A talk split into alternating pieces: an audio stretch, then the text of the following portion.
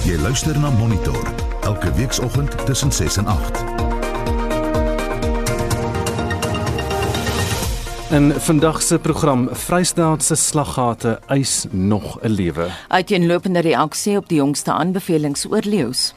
Sy baie onomwonde gesê dat sy die leeuindustrie gaan toemaak in Suid-Afrika wat die ranch lions aanbetref waarvan ons as uh, FASA al baie jare werk aan 'n protokol wat aanvaarbaar is vir almal. Kommer oor China se toenemend aggressiewe houding. En hoe vry is die media in Suid-Afrika en die res van Afrika? Ons praat om 10 oor 7 met 'n kenner. Welkom by Monitor. My naam is Anita Visser. En ek is Koos van Vreiling. Goeiemôre. Dis 10 minute oor 6, jy is by Monitor op RSG. Ons kyk net vinnig na 'n oorsig van vanoggend se nuus hier op die 4de Mei. Die voorblaaie van die koerante vandag in die die burger dan het hierdie storie uit die Kaap uit nuwe kinkel in die Kaap onderwêreld. Moudek vervolg vir Kenier moord aanslag op Booth en Kele in die hoes ook by die hof die hoogste manne in die polisie daar opgedag in die hof vir hierdie saak 'n lang rits aanklagte waarop hy tereg staan waaronder afpersing, ontvoering, intimidasie, geldwasery en is in die hof voorgeles en terwyl dit gebeur het het Nafiz Moudek 'n vermeende sleutelfiguur in die Kaapse onderwêreld emosieloos voor hom uitgestaar en die berigte daar op die voorblad. Nog 'n berig strand ongeluk man in hof na vrou in tref en trap sterf dis Chandray Visser 21 jaar. Ehm um, lyk my wat dan dood is. Jonathan Kutse word aangekla daar. En 'n interessante storie van Mars die helikoptertjie, vernuftige helikoptertjie, verken Mars teen 13 km/h. Beeld se voorblad vandag moer glo hand wat hom voet, veiligheidswag in hof. Man wys glo lyk in vlak graf aan SAPD en dis hierdie misdaad storie uh, op die voorblad van beeld. Uh, die vermeende moordenaar van 'n onderwyseres van Johannesburg het as 'n veiligheidswag gewerk by 'n meentuiskompleks waar sy gewoon het. Nog 'n berig, 'n uh, eh, vrou werk nagte deur vir wetenskap graad. Dis 'n mooi storie, 'n kassier by 'n Bloemfontein se volstasie wat mense wyd en suid inspireer nadat sy 'n graad in microbiologie aan die Universiteit van die Vrystaat verwerf het. Puselet Sotula het dit gekry. 'n Mooi foto ook dan daar van 'n skoenlapper uh, op die op 'n renosterhoring uh, wat verlede week daar geneem is in ehm um, Hoedspruit. Interessante renosterhoring wat afgesaag is. Volksblad digitale voorblad, daai storie wat ons nou hier het in monitor ook vanoggend slaggate eis nog lewe vrystaatse paaie van die dood. Woede omdat regering niks doen en dan wêreldnuus bbc.com die groot storie in die wêreld dit klink nou meer so kindernuus maar dit is groot wêreldnuus uh, Bill en Melinda Gates gaan skei na 27 jaar maar hulle gaan steeds saam hulle stigting, hulle filantropiese stigting bedryf. En dis net so vinnige oorsig oor vanoggend se nuus. Gister was wêreld media vryheidsdag. Nou van die uitdagings in die bedryf is krimpende nuusredaksies, die intimidasie van joernaliste en politieke inmenging. Ons luisteraars vraag vanoggend is die media na jou mening vry in Suid-Afrika? Stuur 'n SMS na 45889 teen R1.50 of gaan na facebook.com vorentoe skynstreep ZRSG of WhatsApp vir ons stemnota na 076 536 69 61 076 536 6961 en ons praat later in monitor met 'n kenner oor mediavryheid nie net in Suid-Afrika nie maar op die res van ons kontinent. Bly ingeskakel vir daardie onderhoud 10 oor 7 vanoggend. Dis nou 13 minute oor 6 en ons fokus nou op die omgewing. Daar is uiteenlopende reaksie oor die aanbevelings van die hoë vlak paneel wat deur die minister van Bosbou, Visserye en Omgewingsake, Barbara Krisi, aangestel is. Die paneel het die bestuur, teel, jag en handel van 5 van Suid-Afrika se ikoniese wilde diere ondersoek. Dis die olifant, die wit en swart renoster, die leeu en die luiperd. Een van die aanbevelings was dat leeu's wat in aanhouding geteel word vir kommersiële gewin uitgesit moet word. Die professionele jagtersorganisasie van Suid-Afrika, PASA, se president, Pieter Potgieter, het aan Susan Paxton gesê hy is teleurgesteld oor die manier waarop die minister hierdie kwessies benader. Ons het geweet die verslag gaan uitkom, maar ons het nie geweet wat die bestek daarvan gaan wees nie. So ons was definitief teleurgestel as ons veral kyk na wat uitgekom het op die leeu's sowel as op die renost. Olifante en luiperde is daar nie veel verrassings nie. Ons het so al van al verwag wat dit gaan wees, maar ons is definitief teleurgestel in die meeste van die bepalinge onder die leeu's en die renosters. Wat spesifiek van daardie twee diere pla julle? Man, Ons wil graag nog die hele verslag gaan en net om uh, die 600 bladsy om dit deur te werk vir meer inligting en die fynere details daar agter, maar uh, dit wat die minister vir ons pertinent gister gesê het, het sy baie onomwonde gesê dat sy die leeuindustrie gaan toemaak in Suid-Afrika wat die ranch lions aanbetref waarvan ons as uh, FASA al baie jare werk aan 'n protokol wat aanvaarbaar is vir almal. Met ander woorde, ons weet daar was dinge wat verkeerd gedoen is en was in die bedryf, maar ons het baie streng uh, norms en standards opgestel waar volgens dit gedoen kan en moet word. Maar uh, dit is obviously totaal al geïgnoreer en dit gaan beteken dat daar letterlik duisende leeu's van kant gemaak moet word. Wat die renosters aanbetref en sowel as die leeu's, die groot probleem wat ons het is eienaarskap word tot 'n groot mate toe ontneem van die boere wat met hierdie diere boer. Met ander woorde, as ons kyk na die renosters waar uh, daar pertinent gesê word dit is jou renoster, jy met ander woorde jy is veronderstel om eienaarskap te hê, maar jy mag die renoster nie gebruik nie. Met ander woorde, geen van sy produkte mag verkoop word nie. Met ander woorde die die renoster se waarde lê in sy horing en uh, dit mag glad nie verhandel word nie. Ons wou graag gehad het dat daar op sites 'n aansoek gebring moet word dat daar wettiglik met al die nodige papiere, permitte en dokumentasies wel in renosterhoring gehandel kan word sodat ons die mark daar buitekant oor versadig met wettige renosterhoring sodat onwettige jag kan stop op die renosters. Dit is die enigste pad vorentoe om ons renosterpopulasie in Suid-Afrika te kan red is om aan daai mark op een of ander manier te kan voorsien op 'n wettige manier want ons het al die ander maniere al probeer en dit werk nie ons renoster getalle gaan astronomies agteruit. Jy is seker bewus daarvan dat aan nou die dag is jy die minister erken dat daar 70% van die renosters in kreer reeds uitgewis is. So met ander woorde, daar slegs 30% van ons oorspronklike kudde in kreer oor. So met ander woorde, die private renoster eienaars, hulle besit die renosters in Suid-Afrika en hulle is sopas om in die bus gegooi. Dit was die professionele jagtersvereniging PASA se bestuurshoof Pieter Potgieter. Die organisasie Fopo sê hy is verheug oor die aanbevelings deur die hoofvlakpaneel oor spesifiek die leeubedryf. Die woordvoerder van Fopo, Emil Lourens, sê die organisasie veg al jare dat die bedryf se muur stopgesit word. Dit is 'n stap in die regte rigting wat nou al 'n lang pad kom. Ons is optimisties oor die toekoms van wildlewe in die land en om te sien dat Suid-Afrika as 'n leier in bewaring geposisioneer word. Ons loof die minister en haar departement vir die moeilike maar nodige besluit wat geneem moes word. Die minister het ons volle ondersteuning vir die reuse taak wat voorlê. Wat veral bemoedigend is van die aanbevelings is dat 'n one welfare benadering gevolg gaan word, minimumstandaarde vir welsyn in werking moet tree en dat die delegering van welsynsinspeksies na 'n wyeer groep bekwame mense gedelegeer kan of gaan word. Volpos veg van jaar al 15 jaar lank om 'n einde te bring aan die intensiewe teel van leeu's in 'n aanhouding Dis 'n geweldige probleem omdat daar selde enige werklike welsynsoorwegings is en omdat die diere slegs vir kommersiële doeleindes uitgebuit word.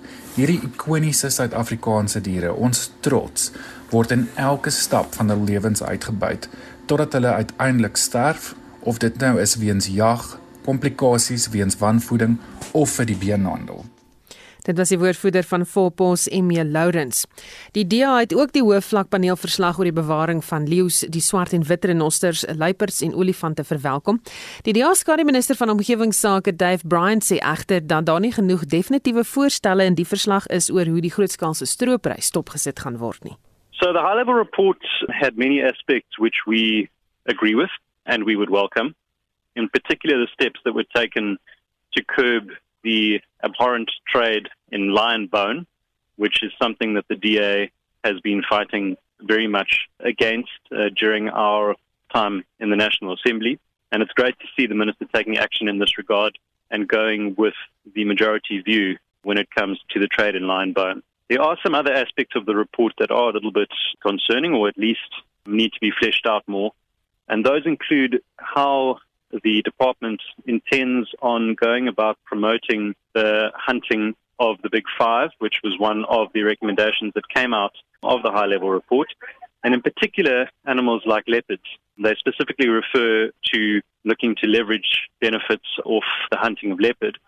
But leopard is quite an elusive animal to track in terms of numbers, and there isn't exactly consensus as to how many leopards we currently have across the country. So matters like that need to be properly investigated. But the real elephant in the room, so to speak, to use a bit of a pun there, is that poaching itself, specifically poaching of rhino, has gotten completely out of control under the, the ANC administration. And we know that 70% of our rhino have been lost to poaching in the Kruger National Park over the past 10 years alone.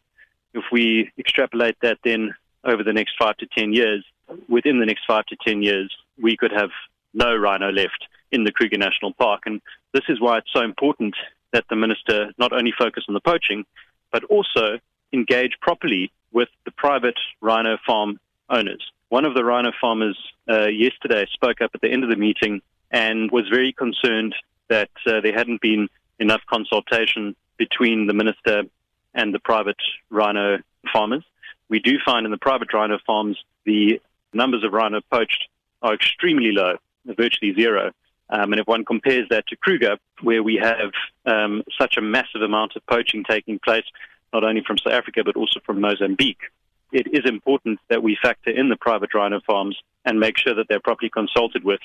What would be a complete tragedy is that if those private rhino farms are unable to continue to operate and we then have an extinction of rhino in the Kruger National Park, and you know the impact that would have obviously not only on you know our own South African species but white rhino across the continent taking into consideration we have the vast majority over 70% of all the white rhino in Africa.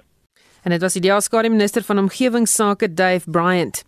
Die omgewingsjoernalis en vervaardiger van die dokumentêr Stroop, Punay de Bot sê die verslag was broodnodig en is 'n direkte gevolg as van openbare druk en sal hopelik ons aansien in die buiteland verbeter. Ek het met groot afwagting na die vrystelling van hierdie verslag uitgesien omdat dit so noodsaaklik is. En met die eerste oogopslag is ek absoluut verheug oor die aanbeveling om die teel van leeu's in aanhouding stop te sit. En ek sê met eerste oogopslag want die verslag is byna 600 bladsye lank en dit frustreer my so bietjie.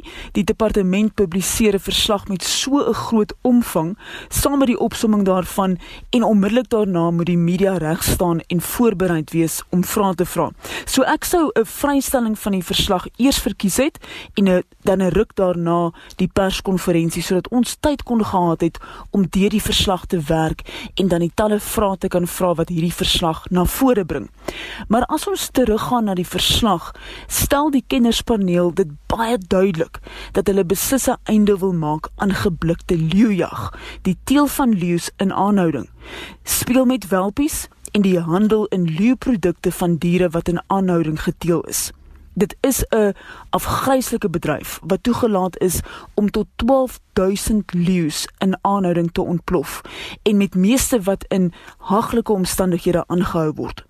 Nou die verslag is in daardie tipiese uh, bureaukratiese regeringstaal Susan, so ek is steeds besig om daardeur te werk, maar wat ek wel wil beklemtoon is dat dit weens grootskaalse openbare druk is uh, dit is wat hierdie verslag die lig gesien het.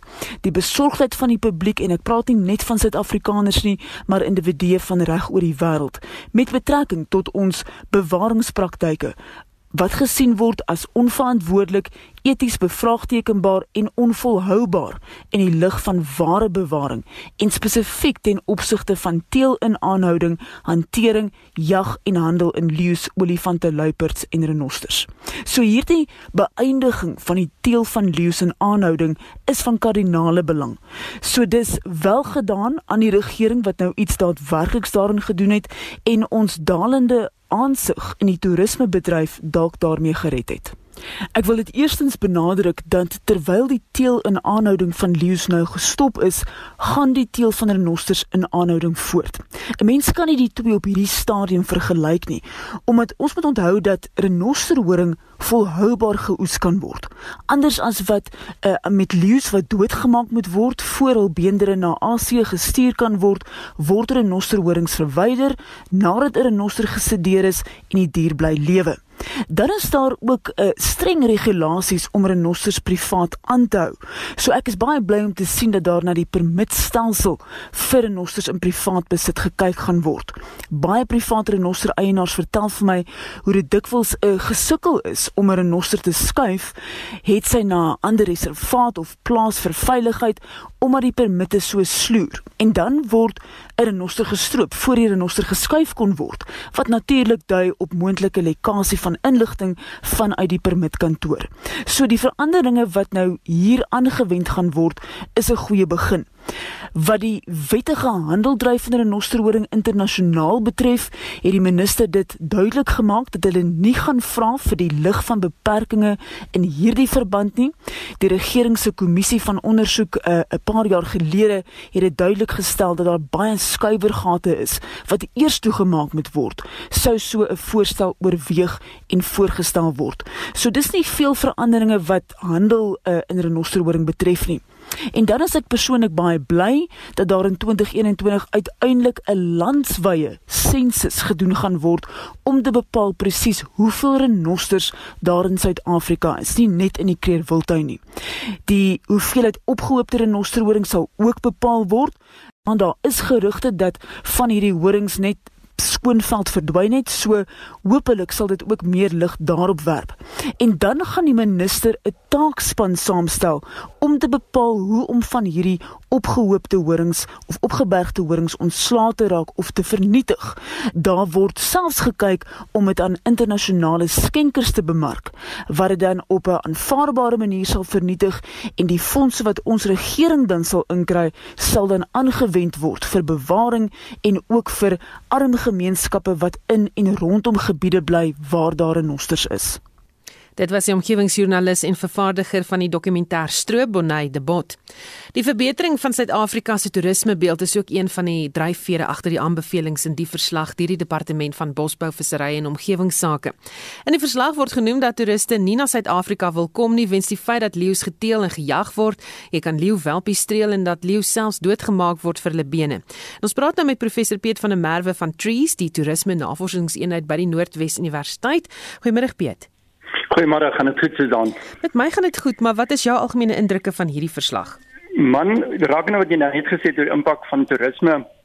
Ek dink as ou gaan kyk na leeujag, kan dit 'n impak hê dalk op algemeen op toerisme en as ou kyk na die algemeen van van jag, ehm um, verskil ek so 'n bietjie daarmee. Ek ek dink 'n ou moet ek weet dit dis moeilik. Nie een van hierdie goed het ons nog konkrete navorsing oor gedoen en gebewys ehm um, dat dit regtig ek weet hoe groot is die impak en wat behels dit? Ek, ek meen tot en met um, voor lockdown verlede jaar het ons toerisme talle nog baie mooi gegroei. Ek vra my net altyd die vraag en wonder wat is die impak van misdaad en korrupsie in ons land um, rakende toerisme? Ek meen is daar nie net soveel mense wat miskien tog kanselleer of ander lande verkies um, as gevolg van wat in ons land gebeur rakende misdaad en en, en daai tipe van goed. So Ek dink hy moet mooi navorsing gaan doen en gaan kyk wat is regtig die groot impak en is daar nie ander goed wat ook groter impak daarop het nie.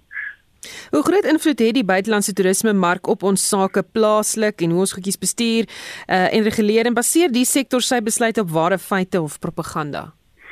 Ek dink op hierdie stadium eh, dink ek is grootendeels propaganda. Ek dink jy daar's ware feite oor, jy weet, soos ek nou net gesê het, um, hoeveel mense kan leer daarvan nie. Ek dit, dit is baie keer ehm um, soos met die COVID goeders hoor ou baie vals goeders wat wat wat COVID en die inenting daarvan kan veroorsaak. Ehm um, en ek wil graag wil hê dat ons as hulle hierdie standpunt wil maak dat ons moet gaan kyk uh, doen 'n groot opname onder ons see se mark en kyk wat is die ouens regtig ek meen ek dink daar's lande wat jag ondersteun en daar's lande wat jag nie ondersteun nie. Ehm um, so kan nou gaan kyk na sou dalk gaan kyk na die lande soos Argentinië, Amerika wat dalk meer 'n jaggemeenskap het waar jag meer algemeen voorkom onder burgers dink ek gaan nou 'n minder situasie kry dat ons teen dit is. Ehm um, so weer eens wat ek sê, dis in die algemeen van jag van wat ons ook praat in die algemeen van jag. Ek dink die leeujag is dalk meer sensitiewe storie.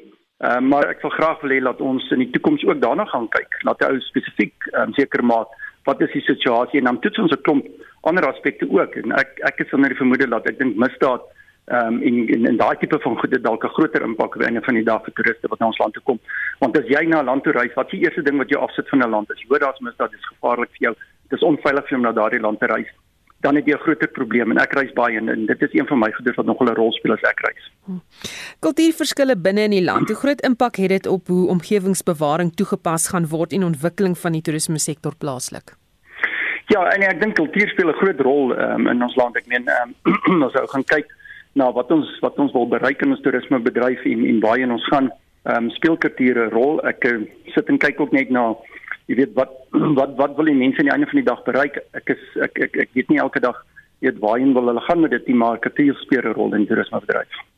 Die stem daarvan professor Piet van der Merwe van Trees, die toerisme navorsingseenheid by die Noordwes Universiteit in gesprek met Susan Paxton.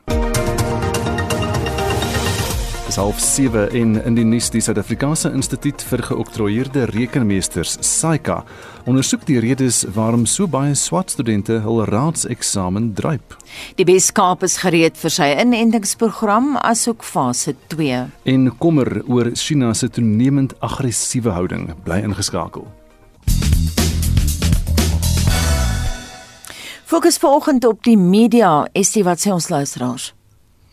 Mike Rowden sê die media is vry, maar die inwoners nie. Die media het nog steeds 'n groot invloed in die bestuur van die land. Hulle kan sê wat hulle wil en hoe hulle wil. En daarom is Suid-Afrika vandag oor die algemeen korrup, misdadig, polities onstabiel ensovoorts. En Rex Bester skryf: "Sonder 'n vrye media bestaan daar geen konstitusionele demokrasie nie." Pogings om die media te mylband moet in die kiem gesmoor word om 'n vrye pers te verseker. Dit is egter nodig dat die media voldoen aan hulle professionele kode met goed nagevorsde, gebalanseerde, onbevooroordeelde, onafhanklike, getoetste, geloofwaardige en bevestigde inligting. Geen instansie is volmaak nie en daar is beslis foute en tekortkominge. Ek het egter vertroue in die media en Stefanus de Tooy meen daar word selektief berig wat die regering van die dag pas. Ons wil by jou vandag weet gister was wêreld media vryheidsdag en ons wil by jou weet is die media na jou mening vry in Suid-Afrika en wat is die positiewe maar ook negatiewe aspekte van die media wat jy wil uitlig. Stuur vir ons 'n SMS by 45889. Onthou dit kos R1.50. Gesels saam op ons Facebookblad by facebook.com/vorentoeskynstreep_zarsg of WhatsApp vir ons stemnota na 0765366961. Ons beweeg na die sportveld met Shaun Schuster. Ons fokus vanoggend op van die jongste ranglyste en puntelere en skop af met rugby. Na die eerste ronde van die Suid-Afrikaanse Reënboogbeker reeks het die Sharks 5 punte, die Bulls 4, Stormers 1 en die Lions nog geen punte nie. In die noordelike afdeling staan Benetton Treviso van Italië, die Ospreys en Dragons van Wallis en Connacht van Ierland almal op 5 punte ook na een ronde. Die Crusaders het die Nieu-Seelandse Aotearoa reeks op 28 punte geëindig met die Chiefs tweede op 20 en die Blues derde ook op 20 punte. Die Crusaders en Chiefs meet Saterdag in die eindstryd kragte. Die Reds en Brumbies takel mekaar ook Saterdag in die eindstryd van die Australiese binnelandse Super Rugby reeks. Na ses rondes van die Vastie beker reeks is die UCT Aunties eerste op 26 punte en word gevolg deur Tikkies en die CUT Aunties op 22 punte en dan Maties vierde op 20 punte.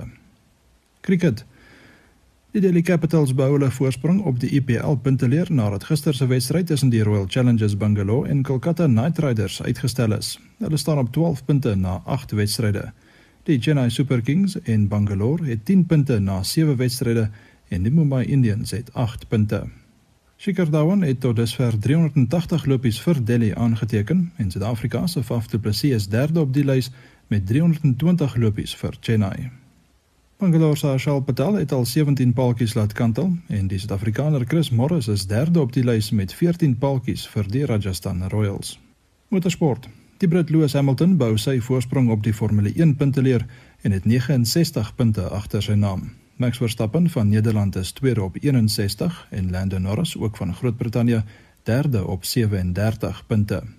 Op die vervaardigerspunteleer het Mercedes nou 101 Red Bull 83 en McLaren 53 punte. Die Italianer Francesco Bagnaia is die nuwe voorloper op die MotoGP punteleer op 66 punte. Die Fransman Fabio Quartararo is tweede op 64 met die Spanjaard Maverick Viñales derde op 50 punte. Suid-Afrika se Brad Binder is nou 10de op 21 punte en sy broer Darren is 6ste in die Moto3 afdeling op 36 punte. Sokker Na die naweek se DStv Premier Liga aksie behou Mamelodi Sundowns hulle voorsprong en het 51 punte na 24 wedstryde. AmaZulu is tweede op 50, Golden Arrows derde op 43 en Morocco Swallows vierde op 40 punte en dit is na 26 wedstryde. Die top 4 spanne in Engeland is Manchester City op 80, Manchester United op 67, Leicester City op 63 en Chelsea op 61 punte met nog 4 rondes wat oorbly. Tennis. Die wêreld se top 3 manspelers bly Novak Djokovic van Servië, Rafael Nadal van Spanje en Daniel Medvedev van Rusland. Suid-Afrika se Lloyd Harris val met 1 plek na 54ste en Kevin Anderson klim met 5 plekke na 100ste. Raven Klaasen is nog 20ste op die dubbelspel ranglys.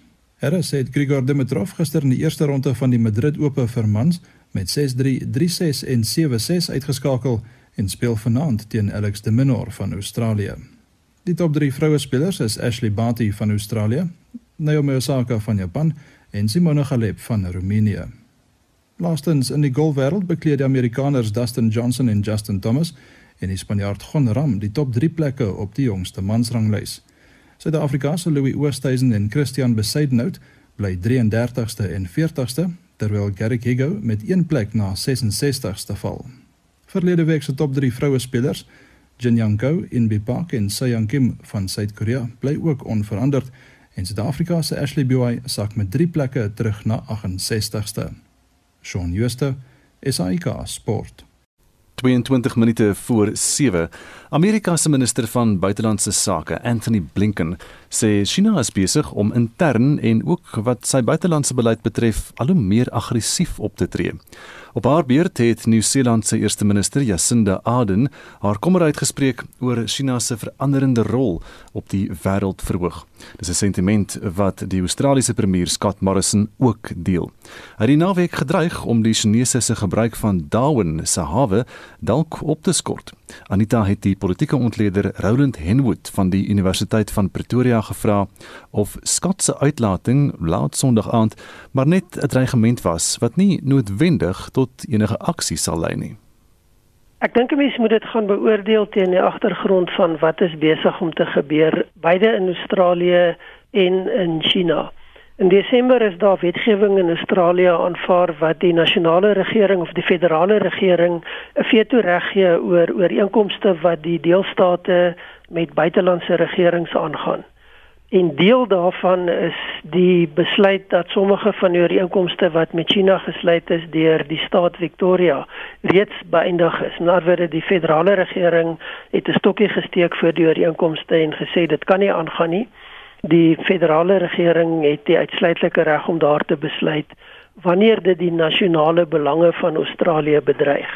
So as mense in daardie konteks gaan kyk, dan is dit moontlik dat Australië stappe kan neem. Die aanduiding op die stadium is 'n ondersoek en 'n beoordeling of die bestaande ooreenkoms vir die gebruik van die hawe nasionale veiligheid bedreig. Indien dit die bevinding is, sal Australië waarskynlik die ooreenkoms tot 'n einde bring. Kom ons gaan nou Nieu-Seeland toe. Die land se premier Jacinda Ardern is gewoonlik baie meer diplomaties as haar Australiese eweknie Scott Morris, maar self sy het ook verwys na toenemende aggressie.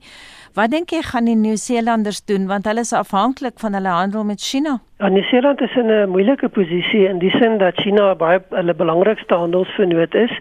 En ook is Nieu-Seeland baie bekommerd dat hulle voorgeskryf word deur Australië en die VSA en Brittanje.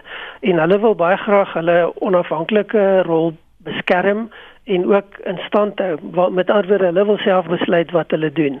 Aan die ander kant word dit al hoe moeiliker om met China besigheid te doen as gevolg van al die ander eise wat vanaf China kom en ook die eise wat China stel in terme van sy optrede in die res van die streek. So dit plaas druk op daai verhouding en dit is waarskynlik dat Nieu-Seeland op 'n stadium indien hulle gedwing word om te kies, nie noodwendig die handelsbetrekkinge met China gaan kies nie. Dit kan wees dat hulle anders na die saak kyk en Australië is 'n goeie voorbeeld. Alhoewel die aanvanklike ekonomiese effek van die verhoudinge met China, die negatiewe verhoudinge met China baie negatief was, lyk dit asof Australië eintlik nou beter daaraan toe is met baie meer gediversifiseerde markte en dat daar enkele sektore is wat swaar getref is, maar dat die ekonomie in die breë eintlik baie beter presteer as wat verwag is. Wat Amerika se verhouding met China betref, Anthony Blinken, dis die Amerikaanse minister van buitelandse sake, het ook gekla China word toenemend aggressief, maar aan die ander kant het Biden gesê Amerika verwelkom mededinging vir die posisie van die 21ste eeu se dominante mag en hulle wil konflik vermy. Dink jy regtig die FSA verwelkom mededinging vir die posisie van die dominante mag? Ek dink dit is meer politieke praat as wat dit werklike sentiment weerspieël. Ehm um, die FSA is in 'n sekere sin in 'n onbekende gebied met 'n moontlikheid wat op alle terreine begin meeding. En in onlangse tye is dit iets wat die FSA nie aangewoond is nie. Ek dink ook 'n mens moet gaan kyk na hoekom dit so is. President Trump het grootliks teruggestaan van internasionale politiek af en hy het 'n baie negatiewe verhouding met China ontwikkel, baie meer 'n konfronterende verhouding. Die skok dalk in 'n sekere sin in Washington is dat China se antwoord hierop was dieselfde konfronterende styl en in sekere opsigte dalk nog meer konfronterend omdat nie net Washington daarbey betrek is nie, maar eintlik die hele Indo-Pasifiese streek is nou deel van daai konfronterende styl. So dis bietjie van 'n nuwe terrein vir die rolspelers en die vrees natuurlik is dat iets kan gebeur wat 'n konflik tot gevolg het. En as 'n mens gaan kyk na wat uit Washington uitkom, is dit baie duidelik twee boodskappe. Die een is om te sê ons gaan nie terugstaan vir julle nie, maar die ander een is om te sê ons soek nie konflik nie. Met ander woorde, daar is 'n vorm van interaksie wat ontwikkel, bietjie meer 'n diplomatieke fokus. Ons sien dit in hoe die ehm um, FSA uitreik na China, byvoorbeeld Biden se klimaatinisiatiewe. Mm. Waar baie sterk en baie hard gewerk is om China te betrek. En dit is waarskynlik die positiewe dimensie dat aan die een kant word gepraat van konflik, van negatiewe interaksie soos wat dit in Beijing gedoen word, maar aan die ander kant is daar al hoe meer tekens van 'n manier van samewerking wat ontwikkel en op een of ander manier mekaar betrek wat natuurlik goed is in die sin dat dit die moontlikheid van konflik verskraal en dat dit kanale van kommunikasie open wat nie bestaan het onder president Trump nie. Anthony Blinken is nou in Londen om sy eweknieë in Europa te ontmoet en samesprekings met hulle te voer. China gaan ter sprake kom. Hoe voel die Europeërs? Dis onduidelik wat presies die Europeërs eintlik beplan want hulle het 'n ooreenkoms met China gesluit teen die verwagting in en teen die advies en die wense van Washington. So aan die een kant lyk dit asof die Europeërs baie meer inskikkelik is om met China saam te werk.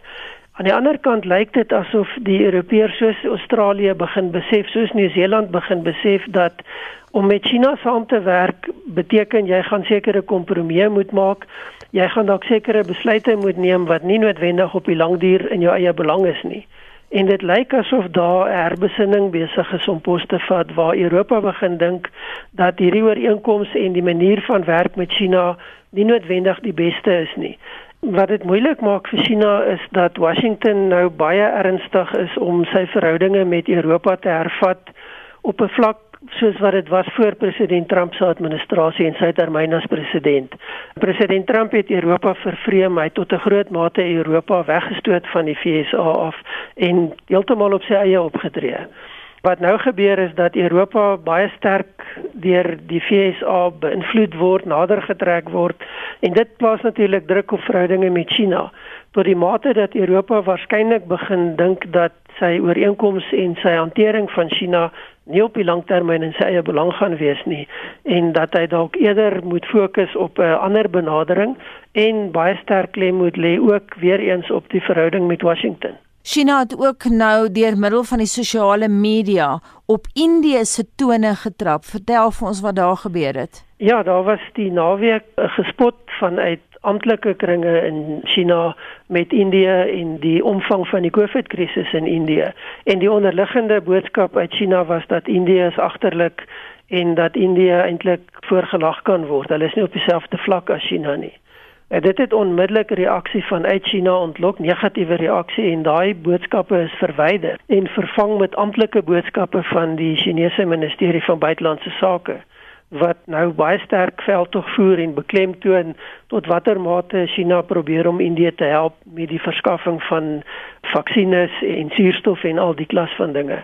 So baie duidelik groot sensitiwiteit in China, maar dit lyk asof die onderliggende sentiment in China die van arrogansie en die van meerderwaardigheid besig is om baie sterker en vinniger pos te vat as wat ek dink baie mense verwag het. Maar Indië is ook nie baie lief vir China nie in elk nee, geval nie. Daar's 'n geskiedenis van konflik. Ons kan maar net verwys na die onlangse grensgeskille en alhoewel daar baie sterk pogings is om daai spanning tot 'n mate te beheer en die situasie te ontlont, Rusland wat 'n baie belangrike rol daar speel, is dit baie duidelik dat die twee nasionalismes wat op die stadium in China en in Indië besig is om baie sterk te ontwikkel, nie baie ruimte vir mekaar los nie. Watter bondgenote het China vandag in die wêreld? Ek dink dit gaan afhang van hoe mens bondgenote gaan definieer. Ehm um, China het 'n klomp bondgenote wat ons gaan ondersteun as dit kom by byvoorbeeld 'n stem in die VN of as dit kom by sekere ekonomiese sake. Maar dan is daar ook baie van China se tradisionele bondgenote wat baie skepties is, wat baie wantrouig is. As ons kyk na state soos Vietnam wat nog altyd baie nou aan China gekoppel was, wat baie kwaad is vir China oor wat in die Suidsee gebied gebeur en baie bekommerd is oor China se uitrol van sy militêre mag en sy miskenning van die internasionale reg. Daar's nie 'n antwoord dink ek wat sê dis outomaties hier's al China se bondgenote en daar's al China se vyande nie. Selfs 'n staat soos Noord-Korea wat ten nouste aan China gekoppel is, het ook al in die onlangse verlede aanduidings gegee dat hulle nie heeltemal tevrede is met die manier wat China hulle hanteer en byvoorbeeld die regime daar ondersteun nie. Ons het nou verwys na die Australiërs se swak verhouding met Beijing en dit natuurlik na aanleiding van die feit dat Scott Morrison gesê het die oorsprong van die koronavirus moet ondersoek word. Wat het daarvan toe geword? Al daar was 'n ondersoek van die Wêreldgesondheidsorganisasie gewees. Daar was baie probleme met die ondersoek aanvanklik om toegang te kry tot China en later om toegang te kry tot die plekke waar die ondersoek gedoen moes word. En die uiteinde was dat die Wêreldgesondheidsorganisasie se amptelike verklaring was dat die ondersoek is nie voldoende om die vrae wat gevra is te beantwoord nie en dat daar nog heelwat verdere werk en navorsing gedoen sal moet word en per implikasie dat China eintlik dit onmoontlik maak om hierdie ondersoek te doen en die antwoorde te gee. So dit is baie duidelik dat China nog steeds geweldig sensitief is vir die feit dat die oorsprong van die virus in 'n sekere sin aan China toegeskryf kan word of dit nou op watter rede is is nie ter sake nie maar daar's 'n groot sensitiwiteit daarvoor. En China se rol in Afrika en verhouding met Afrika state? Nog steeds goed. China is 'n baie belangrike bydraer tot ontwikkelingsinisiatiewe en befondsing in Afrika, maar daar's baie kritiek en daar word baie vrae gevra rondom die feit dat China op 'n manier handel wat roekeloos is, wat die regerings in Afrika tot 'n baie groot mate blootstel en uitlewer aan China en dan natuurlik ook die onderliggende kwessies van hoe mense uit Afrika en China behandel word. Alhoewel dit op 'n amptelike vlak die debat doodgedruk is, is dit baie duidelik dat daai probleme glad nie aangespreek is nie en eintlik nog ook nie tot 'n einde gekom het nie. En dit dan die politieke ontleder Roland Henwood van die Universiteit van Pretoria en Anita het daardie onderhoud met hom gevoer. Dis nou 10 minute voor 7 jy's by Monitor op RSG. Die afgelope naweek is een persoon dood en 6 ernstig beseer in 'n ongeluk op die R34 in die Vrystaat tussen Vrede en Memel daar in die verre ooste van die provinsie naby die Mpumalanga grens. Die voorval het volgens alle aanduidings plaasgevind nadat die voertuig waarna hulle gereis het 'n slaggat getref het. Dit volg sowat 2 maande na die dood van 'n 25-jarige onderwyser wat dood is op die R101 tussen Warden en Vrede toe die skoolbus wat hy bestuur het ook toe nou 'n slaggat getref het daar. Johan de Tooi, die skoolhoof van Memel Primêr en 'n vlak 3 noodhulpwerker, was op albei ongelukstonele en soos talle inwoners is hy raadop met die swak toestand van die Noord-Vrystaatse paaie en hy sluit nou vanoggend hier by ons aan. Johan, goeiemôre. Goeiemôre, gaan dit goed met julle? Dit gaan baie goed met ons, maar wat was jou rol daar gewees en hoeveel inligting van die jongste voorval kan jy wel met ons deel? Gustav, weet jy, ek is ehm um, soos jy gesê het, vlak 3 nood op. Ehm um, en uh, ek was gebel gewees deur een van die persone op Newcastle by Musicare, Michelle. Sy het my gesê nou bewering was daar ongeluk en wat ek gewoonlik doen is ek gaan dan uit en ek evalueer en dan kyk ek hoeveel ambulanse ek nodig het. Ehm um, toe daar kom het ek op 'n toneel gekom wat werklik waar chaos was. Uh, die pad weerskante uh, was al klomp karre wat opgehoop het en mense het gesaai gele oor die pad. Uh, die pad het die die voertuig waar hulle gery het, het natuurlik die pad versper. En um, ja, ek het toe dadelik kyk wie is jou ons um, prioriteit 1, ons praat van 'n P1. Ja. Ehm um, ek het dadelik opgesom daar was 'n vrou wat baie ernstig seer gekry het en ek het toe dadelik vir haar van my suurstof opgesit. Daarna het ek die persoon wat langs sal gelê se kop verbind en uh, ook toe gestap na die dame toe wat hulle vir my gesê het oorlede is en net gou evaluering gemaak. Kon geen asemhaling optel of puls nie en uh, toe beweeg ek na 'n kind toe. 8-jarige dogtertjie wat uh, wat baie seer gekry het, femur gebreek, interne bloeding en so en so aan. Intussen tyd was ek op die foon met die met die verskillende ambulansdienste gewees. Ehm um, Liesel van uh, ambulansdiens in Harry Smith uh, met vir my die Vrystaat ambulansdiens laat kom van da, van uh, Vrede af en intussen tyd was die ambulansdienste van Newcastle af op pad. Ja, intussen tyd moet hy nog die die mense aansê om uh, vinnig jou te help om die pa die voertuie te reguleer want dit is dit is net gaas, jy weet dis ja. laat in die aand, dis koud. Jou pasiënte uh, die die kans om skokkend te gaan as gevolg van die koue. Dis gaas, dit gaas. Ja, nou jy en ander inwoners in, ander inwoners het uh, wel vroeër vir jare verslag saamgestel van die ongelukke wat plaasgevind het weens die swak toestand van die paaie in daardie gebied van julle. Het jy uh, syfers vir ons? Weet jy ek kan gou vir jou gee. Ek het um, syfers gekry van 'n betroubare bron 2020 die 4de maand tot 2021 die 3de maand was daar op hierdie paai die R103 ek moet net korreksie maak daaroor is die R103 tussen ehm uh, Woorden en Vrede die R34 natuurlik tussen Memo en Vrede. Uh op daai twee paaie 34 ongelukke, 12 persone dood en 89 ernstig beseer. Nou moet ons aan gedagte hou dat tussen daai tyd 2020 2021 het ons die ehm um, lockdown ook gehad. So daai paaie was vir 'n groot gedeelte van daai tyd was daar glad nie voertuie toegelaat op daai pad nie. So ek kan basies dit vat op 9 maande, 8 na 9 maande, 34 ongelukke, 12 mense oorlede. Is daar voldoende waarskuwingstekens aangebring? Weet jy nie, daar is nie en dit is een van my klagtes gewees. Um, as jy kyk die 34 km tussen uh, Botaspas wat die grens is van Newcastle Vrystaat tot en met ehm um, vrede daar twee borde wat wys uh beware of potholes.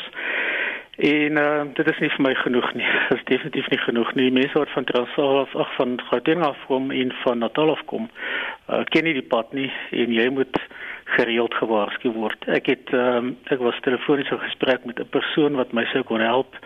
Hy is ehm um, ek kan nou nie naam noem nie, maar in elk geval Hy is uh, die eerste persoon gewees wat my sou kon help om pad tekens te kry. Sy antwoord was gewees, so "We do not have enough of those signs in our district. I will have to get other signs from other districts."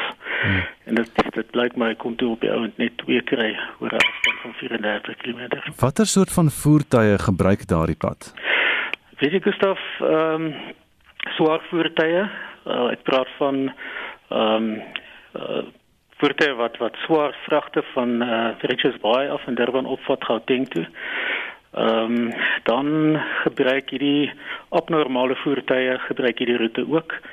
En dit is vir my totaal al onaanvaarbaar. Daar's meer swaar voertuie op hierdie pad as wat daar as wat daar ligte voertuie is.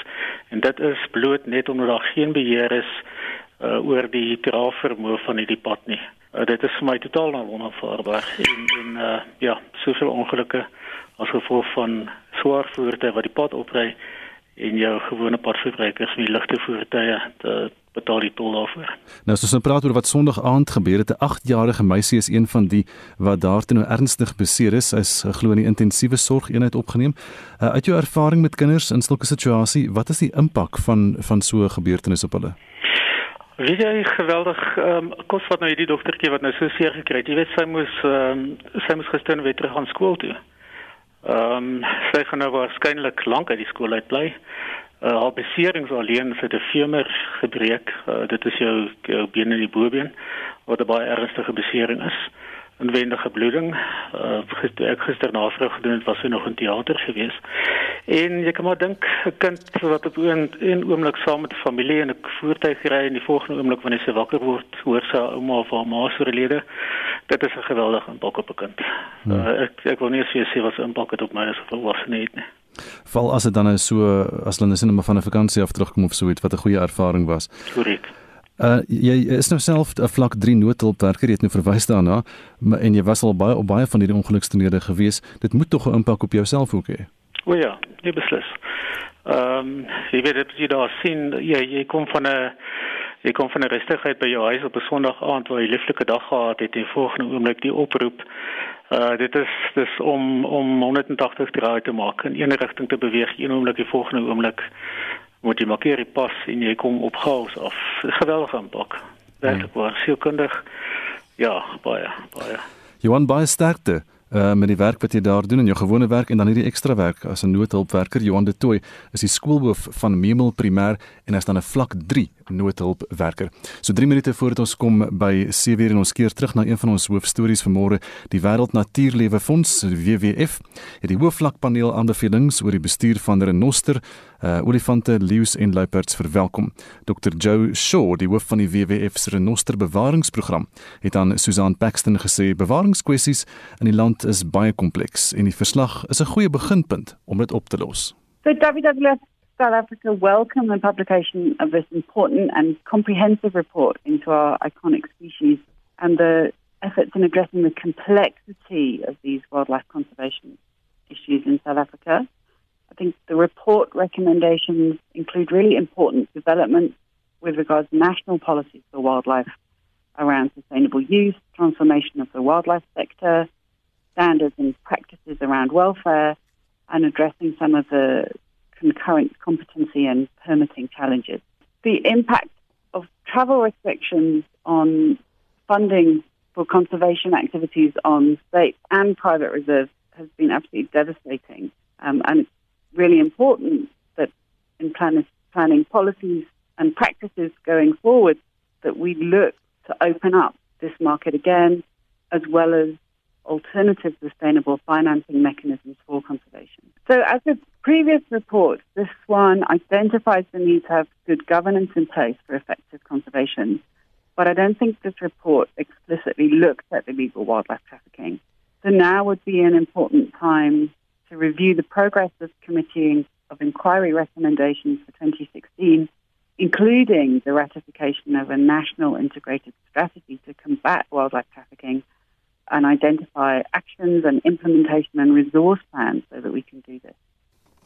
En dit was dan Dr Joe Shaw, die hoof van die WWF se renoster bewaringsprogram in gesprek met Susan Paxton in Spectrum vanmiddag tussen 12 en 1 uur op RSG word daar verder gepraat met die private renoster eienaarsvereniging Rhino Alive en die Leeu Teelers vereniging. Jy is by Monitor, dis amper 7 uur en onthou net na 7 môre gaan ons praat oor die media en dis ook die terugvoer wat ons ontvang van die luisteraars vanmôre. Hoe vry is die media in Suid-Afrika? En dan praat ons ook oor die res van Afrika en ons gaan met 'n kenner gesels oor die stand van die media en die stand van nuuskantore in Suid-Afrika. Dis nou 7 uur en nuustyd volgende. Anita is gereed. Volgende met die nuus op RSG.